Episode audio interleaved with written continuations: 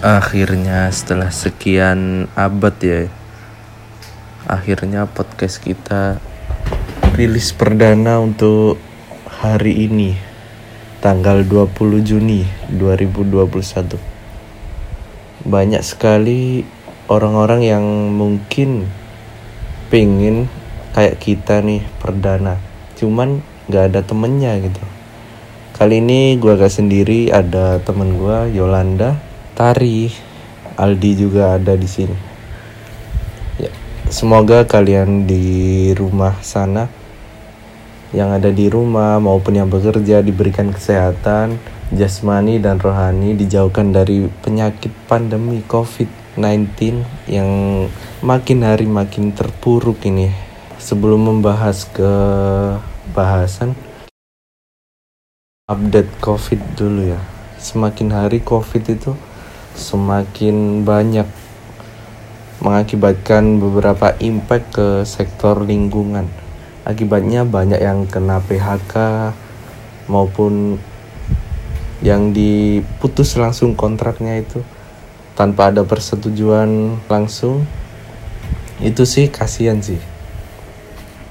Awal-awal pandemi itu banyak banget berita yang menampilkan kasus-kasus PHK massal atau stop kontrak dari perusahaan karena perusahaan ini gak mau kena penyakit ini.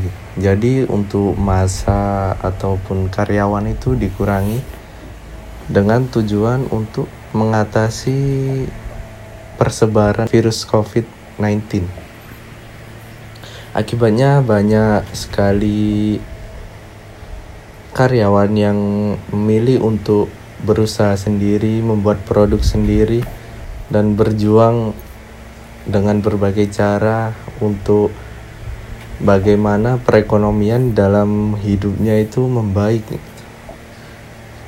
Akibatnya banyak sekali produk-produk yang bermunculan seperti saat ini banyak banget jasa-jasa ataupun pedagang ataupun orang-orang yang menawarkan jasanya gitu via online. Namun banyak dari mereka sih belum tahu ya. Maksudnya itu masih salah gitu cara branding produk. Cara branding produknya itu masih kurang menurut kacamata kaum awam sih masih kurang. Jadi tujuan kita di sini nantinya yaitu membahas bagaimana cara branding produk dengan benar. Agar produk yang kita buat yang kita produksi itu jadi peminat itu lebih banyak melihat produk kita gitu. Meskipun tidak semua dari yang melihat itu tertarik. Yang penting kan produk kita itu sudah dilihat gitu. Sometimes orang-orang pasti ada yang butuh seperti itu langsung aja kita bahas poin atau perkenalan dulu nih. Langsung aja ada ya. Di sini tadi udah dikenalin ada Yolanda ada Andi ada tadi cara branding produk yang benar itu gimana sih? Nih gua kasih tips untuk poin yang pertama menurut gua nih dari poin pertama yaitu pemilihan nama jadi sebenarnya apa sih arti brand name itu? Nah, brand name itu adalah salah satu unsur penting dalam branding karena berperan sebagai identitas perusahaan. Penyematan nama pada sebuah usaha tidak hanya mempermudah konsumen membedakan produk perusahaan, tapi juga memberikan pengaruh yang besar terhadap brand awareness. Semakin besar dan kencangnya nama brand dibicarakan dalam konteks positif nih, maka sebagian besar juga potensi suatu bisnis itu berkembang dan sukses. Lalu apa sih pengaruh pemilihan nama terhadap suatu produk? Yang pertama yaitu memperjelas produk yang dijual. Jadi semakin tenar nama produk di kalangan konsumen tersebut, semakin besar pula peluang bisnis merajai pasar. Mengingat semakin ke sini nih, konsumen tuh makin cerdas Mereka hanya menginginkan produk yang bermutu tinggi untuk dibeli sebelum mencari option ke brand kedua, ketiga, atau berikutnya. Yang kedua yaitu sebagai alat komunikasi. Ketika produk memiliki nama tertentu dan didukung baik oleh konsumen, tandanya produk mulai diterima, komunikasi yang terjalin pun dapat membuahkan hasil positif. Suaranya Yolanda kecil banget ya tapi gak apa-apa is oke okay. yang penting poinnya tersampaikan. Kurang lebih pemilihan nama itu menurut gua ya itu sangat penting banget. Gak juga pemilihan nama sih dari lingkungan juga. Misal yang kemarin Ronaldo ya. Misal kita mau branding produk alkohol misal ini ya misal alkohol ya. Kita mau branding nama di kalangan orang yang nggak suka alkohol gitu. Jadi agak kurang gitu. Misal Ronaldo yang kemarin itu kita lihat sendiri ya udah viral itu. Cuma karena Ronaldo kan nggak minum alkohol pantesan badannya kan sehat ya meskipun udah tua sih. Kan sehat banget itu Ronaldo. Cuma geser Coca-Cola bentar eh langsung saham dari Coca-Cola itu langsung anjlok gitu. Itulah lingkungan. Nah, sekarang kalau Tari gimana kalau soal pemilihan nama itu? Oke. Nah, menurut aku strategi pemilihan nama ini adalah strategi branding produk paling dasar, teman-teman. Karena mempunyai fungsi sebagai pembeda di mana perusahaan yang memiliki brand kuat akan mudah dibedakan oleh kompetitor. Namun, dalam pemilihan nama brand yang tepat dapat dianggap rumit karena banyaknya pesaing yang memiliki jenis produk yang sama. Maka dari itu, diperlukan sebuah tips atau hal yang harus diperhatikan sebelum menentukan nama tersebut. Hal pertama yang bisa dilakukan sebelum menentukan nama untuk brand dari perusahaan adalah memilih nama yang belum pernah digunakan, sehingga nantinya nama yang telah ditentukan tidak digunakan oleh perusahaan lain. Selain itu, nama tersebut juga sudah bebas dari hak paten yang biasanya diterapkan. Sebelum membuat nama untuk sebuah brand, sebaiknya membuat rancangan yang bersifat unik dan juga singkat, teman-teman. Karena menurut aku, jika nama untuk brand tersebut memiliki kedua sifat ini, unik dan singkat, akan memberikan banyak keuntungan pada bisnis kita nanti. Di mana nama brand yang unik tersebut nantinya akan lebih mudah diingat konsumen. Saran aku, hmm, pemilihan nama ini sebaiknya hanya menggunakan satu sampai dua kata saja yang sesuai dengan produk kita. Namun pastikan kita menghindari pemilihan nama dengan konotasi yang bersifat negatif. Karena apa? Karena pemilihan nama yang buruk nanti akan mempengaruhi citra dari sebuah bisnis yang telah kita jalankan. Bukan hanya merancang sebuah nama untuk brand yang sifat unik dan singkat saja, akan tetapi nama tersebut juga harus mudah untuk didengar oleh orang lain, sehingga nama tersebut akan mudah diingat dan mudah dicerna oleh otak seseorang agar tidak mudah dilupa. Selain itu, nama ini juga harus mudah diucapkan. Saran aku, hindari penggunaan nama yang sulit atau rumit didengar, seperti dengan menggunakan nama bahasa asing. Karena menurut aku tidak semua orang tidak mengetahui bahasa asing. Selain itu, penulisan dan cara pengucapan dari bahasa asing ini juga tidak sama. Maka besar kemungkinan konsumen akan lupa terhadap nama satu brand. Kemudian yang terakhir, yang paling penting Eh, seperti adanya ungkapan bahwa nama seseorang adalah sebuah doa yang diharapkan. Betul. Begitu pula dengan nama dari sebuah brand yang harus memiliki nama yang baik. Selain baik, juga memiliki makna yang bersifat positif. Karena memang nama tersebut akan akan memberikan pengaruh yang sangat besar terhadap bisnis. Maka dari itu, saran aku sebelum memilih sebuah nama untuk brand dari bisnis, maka ketahui terlebih dahulu makna dari nama tersebut. Jangan sampai nama yang dipilih bersifat unik dan singkat namun tidak memperhatikan makna yang dimiliki. Ya, bisnis yang dijalankan bisa saja tidak berjalan dengan baik sesuai harapan. Panjang banget, nggak capek bun. nah, itulah kurang lebih yang poin pertama ya. Untuk poin kedua nih, menurut Tari gimana nih?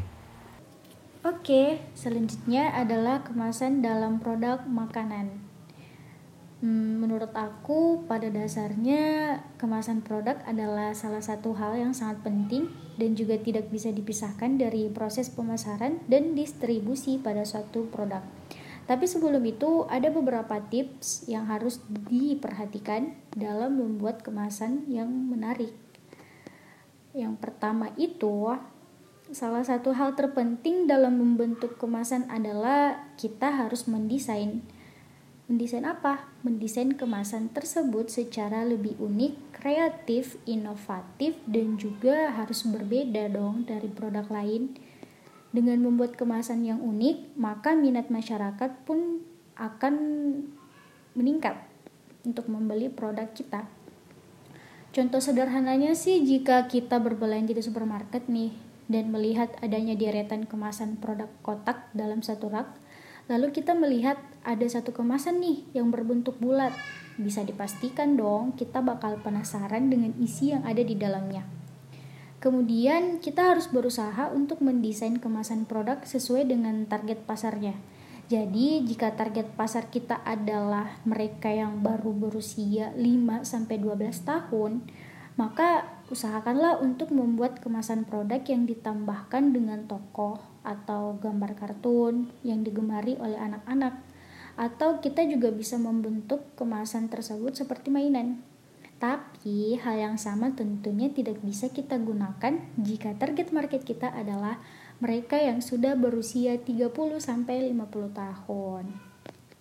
Lalu jika produk yang kita jual adalah produk yang tergolong baru nih, maka usahakanlah untuk membuat kemasan produk dalam berbagai variasi ukuran seperti small, medium, atau large.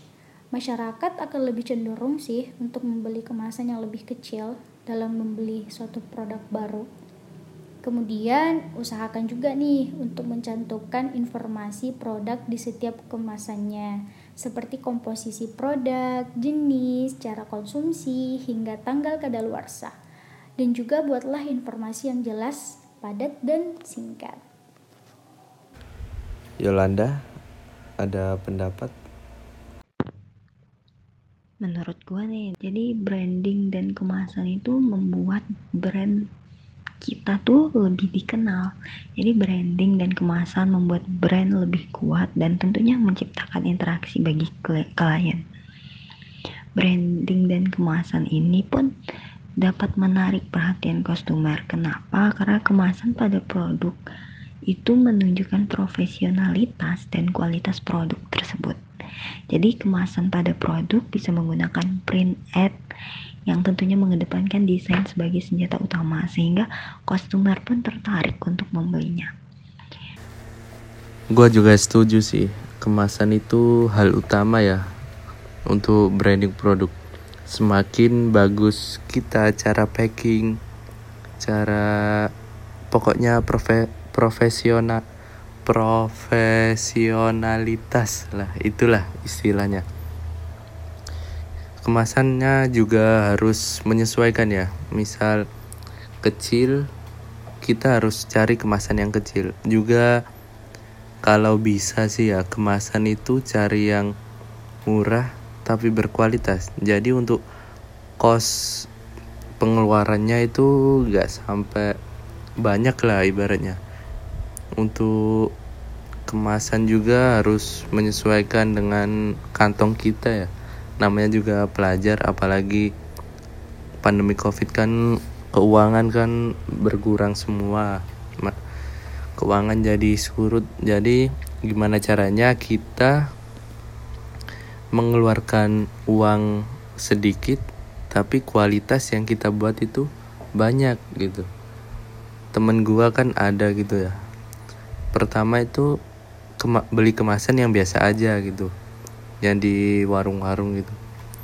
Nah setelah dia beli kemasan yang berkualitas terus ditambah branding di sosmednya di media sosial lah ibaratnya.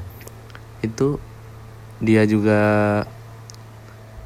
pengambilan fotonya juga bagus. Jadi barang itu terlihat mewah gitu. Orang itu jadi tertarik untuk membeli barang kita seperti itu. Terus selanjutnya sih menurut gua ya foto produk gitu. Semakin bagus foto produk semakin estetik semakin elegan. Jadi pembeli itu dari lihat covernya aja oh bagus nih gitu.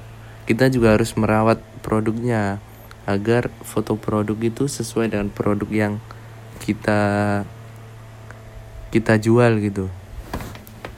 Kembali lagi semuanya itu berhubungan dari kemasan tadi. Harus rapi juga agar pembeli itu tujuannya penjual itu hanya satu feedback yang baik sih menurut gua. Feedback yang feedback yang baik dari pembeli itu ngebuat kita itu jadi semangat gitu jadi produk yang kita tawarkan itu dengan harapan semakin banyak gitu. Dan foto produknya itu semakin keren-keren gitu. banyak sekali brand-brand yang terkenal itu seperti apa ya Erigo kayak gitu. Awalnya kan biasa aja itu Erigo. Semakin dilihat semakin ke depannya itu kok tambah keren gini jadi foto produksi menurut gua. Kalau yang lain pendapatnya gimana? Jadi dengan membuat foto produk yang menarik kita tuh dapat meningkatkan kepercayaan calon pembeli. Jadi memiliki produk Foto yang baik dapat meningkatkan kepercayaan calon pembeli. Pasalnya, dengan melihat bahwa kamu menggarap hal ini dengan serius, pembeli itu semakin yakin kalau kamu adalah penjual yang terpercaya dan memiliki kualitas produk yang baik. Tari, ada pendapat lain? Hmm, menurut aku nih, bagi kalian yang menjalankan bisnis online shop atau toko online atau food online atau apa pun nama toko kalian, apa pun yang kalian jual secara online, kamu perlu mempelajari fotografi produk untuk menghasilkan foto produk yang dapat membuat orang tertarik membelinya. It's jangan anggap remeh ya foto produk yang kamu jual itu. Jangan asal jepret Mantap, jangan asal jepret ya guys. Hmm, ada lagi nggak nih untuk tips-tips selain cara branding produk? Uh, selanjutnya, menurut aku, pertimbangkan karakter brand. Oke, okay. membangun brand dari awal bukanlah perkara yang mudah, teman-teman. Ada banyak pertanyaan yang mau tidak mau harus kita jawab mulai dari seperti apa tampilannya hingga apakah brand tersebut mampu mewakili nilai-nilai bisnis kita ke audiens yang ditarget. Dan kita juga harus bisa menghubungkan pemisah yang ada antara produk yang dijual dengan orang yang menjadi target penjualan. Menurut aku, brand yang baik akan selalu dikenal dan memiliki pengaruh yang timeless bagi pelanggan dan berpotensi untuk menciptakan basis pelanggan yang loyal. Nah, untuk membangun sebuah brand, ada banyak sekali sebenarnya langkah yang harus kita terapkan agar mempercepat proses dan agar kita tahu kira-kira seperti apa. Langkah pertama yang sangat signifikan untuk dilakukan adalah dengan melakukan riset terhadap target audiens dan kompetitor. Apabila kita membangun sebuah brand, kepada siapa produk brand tersebut ditujukan? Susunlah berdasarkan target pasar dan data demografisnya. Kemudian, menentukan fokus brand merupakan sesuatu yang sangat penting karena akan sangat berpengaruh terhadap semua elemen yang ada selama kamu membangun brand tersebut. Jadi, kepada siapa kamu akan memberikan value brand yang kamu miliki? Kemudian, kebutuhan dalam bidang apa yang akan dipenuhi oleh brand kamu?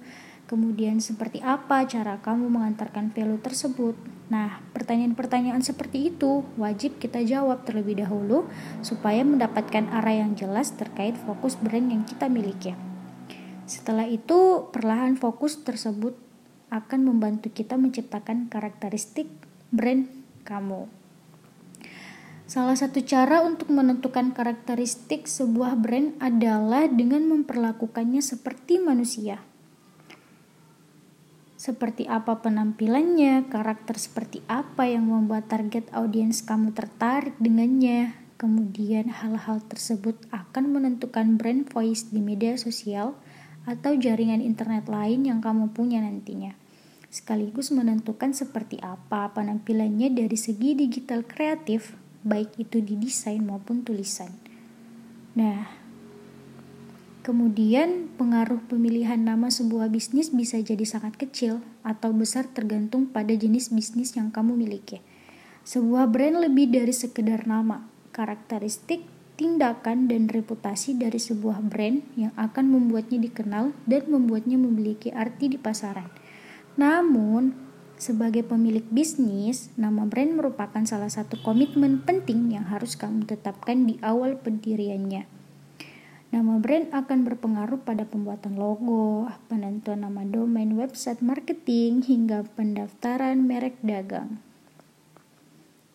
Kemudian, slogan yang catchy atau mampu mewakili visi dan misi brand kamu merupakan sesuatu yang penting, namun tetap saja sulit untuk diciptakan. Kemudian, baik warna dan font yang terkandung dalam brand kamu merupakan sesuatu yang sangat penting untuk ditetapkan. Setelah menentukan nama dan slogan brand kamu, saatnya kamu menentukan penampilannya secara visual.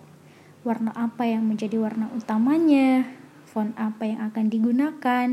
Kamu bisa mencari inspirasi warna dengan menggunakan tool seperti Style Live Me dan menentukan font yang digunakan dengan mencari inspirasi melalui font pair. Kemudian entah kamu membuatnya sendiri atau menggunakan jasa desainer, sebuah logo akan menjadi wajah sebuah brand sehingga harus mampu mewakili nilai, visi, dan misi brand kamu secara visual. Orang akan mengenal brand kamu melalui logo, jadi perlu diingat bahwa logo brand harus mudah diingat, unik, dan ter terukur. Gitu ya guys. Hmm, ada lagi nggak atau cukup nih? Satu lagi deh dari Yolanda. Yol, tips kasih tips nih buat teman-teman pendengar. Menurut gua nih dari poin kelima itu pilih mitra branding. Penting banget nih buat milih mitra branding. Jadi gandeng lah pihak profesional yang bisa membantu strategi pemasaran digital marketing kita nih agar dapat engagement yang lebih tinggi. Karena di media sosial ini yang paling penting adalah engagement yang lebih tinggi agar pembeli dapat melihat apa sih yang kita jual. Sehingga kalau udah pembeli udah kepo nih, udah pengen tahu apa yang kita jual dan kebetulan foto-foto ciamiknya bagus, maka akan berkesempatan tinggi untuk pembeli membeli produk tersebut gimana nih ya para pendengar setia Kastek?